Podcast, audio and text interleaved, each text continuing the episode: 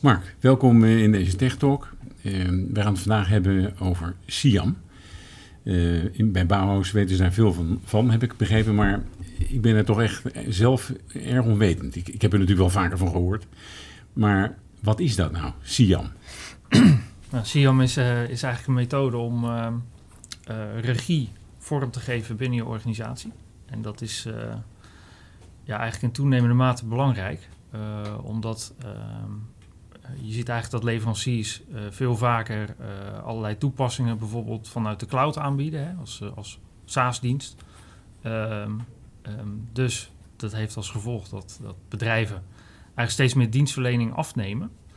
Um, ja, en om dat goed aan te sturen en ook zorgen dat je bedrijfsvoering intact blijft in die hele keten van allerlei uitbesteden diensten, is het belangrijk om daar ook ja, op een goede manier regie over te voeren. Dus de okay. informatie krijgen wanneer je dat nodig hebt, uh, zorgen dat het allemaal aansluit.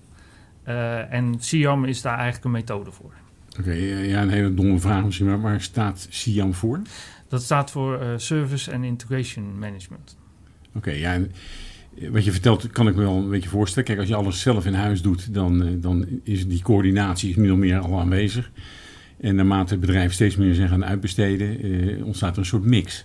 Ja. En dan uh, moet je natuurlijk wel heel goed weten wie wat levert en wanneer, want anders gaat het misschien wel fout. Precies, ja. Dus ik, ik kan me voorstellen dat als uh, mensen naar ons uh, gesprek luisteren en die herkennen dat, dat, ja, dat het complex wordt.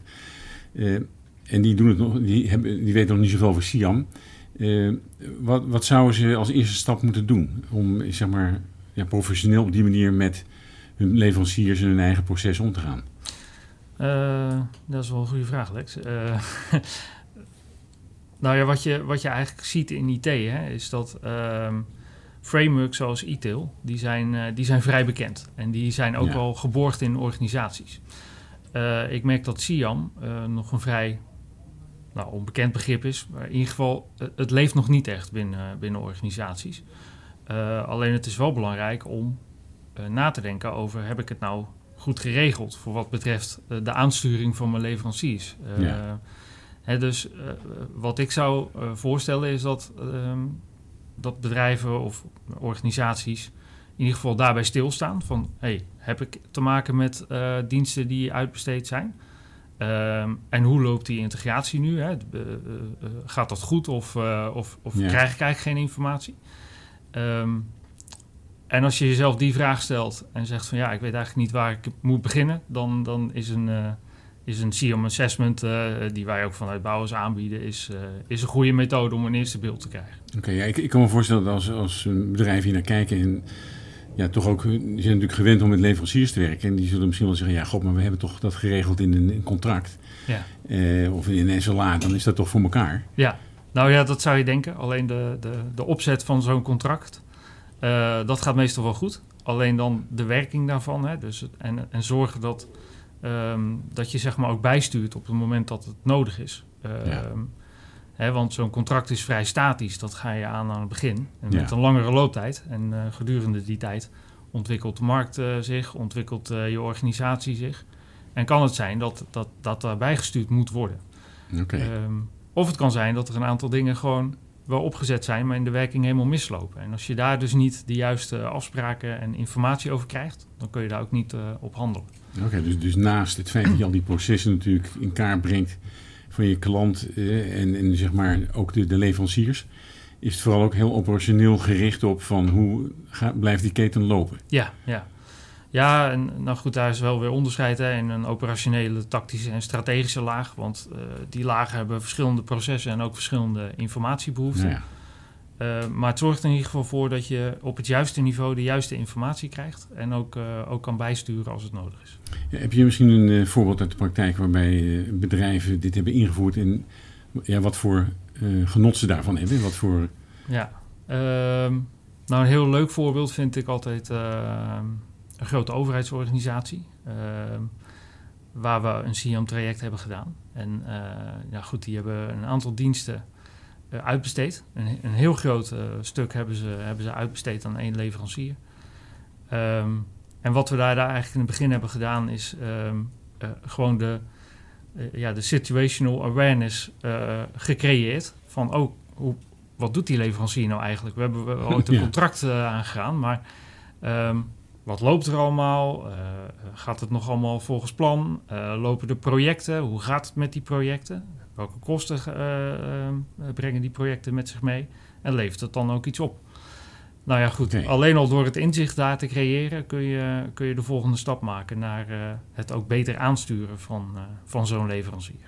Oké, ja, dat klinkt wel mooi, want je hebt het dus over niet alleen een goed lopend proces binnen het bedrijf met al die leveranciers in je eigen afdelingen, zeg maar. Uh, maar je kan op deze manier ook heel goed bijsturen uh, en misschien ook nog wel kosten besparen. Als het, want als er ergens iets fout gaat, dan kost het altijd heel veel tijd om uh, te herstellen. Dus dat klinkt wel heel mooi. Ja. Ehm, zijn er ook nadelen als je dit invoert? Of hoe, hoe kijk je daarnaar? Nou ja, nadelen niet zozeer, denk ik. Maar waar je volgens mij wel op moet letten, is dat je het uh, uh, zeg maar passend maakt voor je organisatie. Uh, verschillende organisatiegroottes ehm, die vereisen ja, net iets andere implementatie, zou ik zeggen. goed, het is een beetje vergelijkbaar met e-tail. je moet daar gewoon uitpakken wat je nodig hebt om die keten soepel te laten, te, te laten draaien eigenlijk.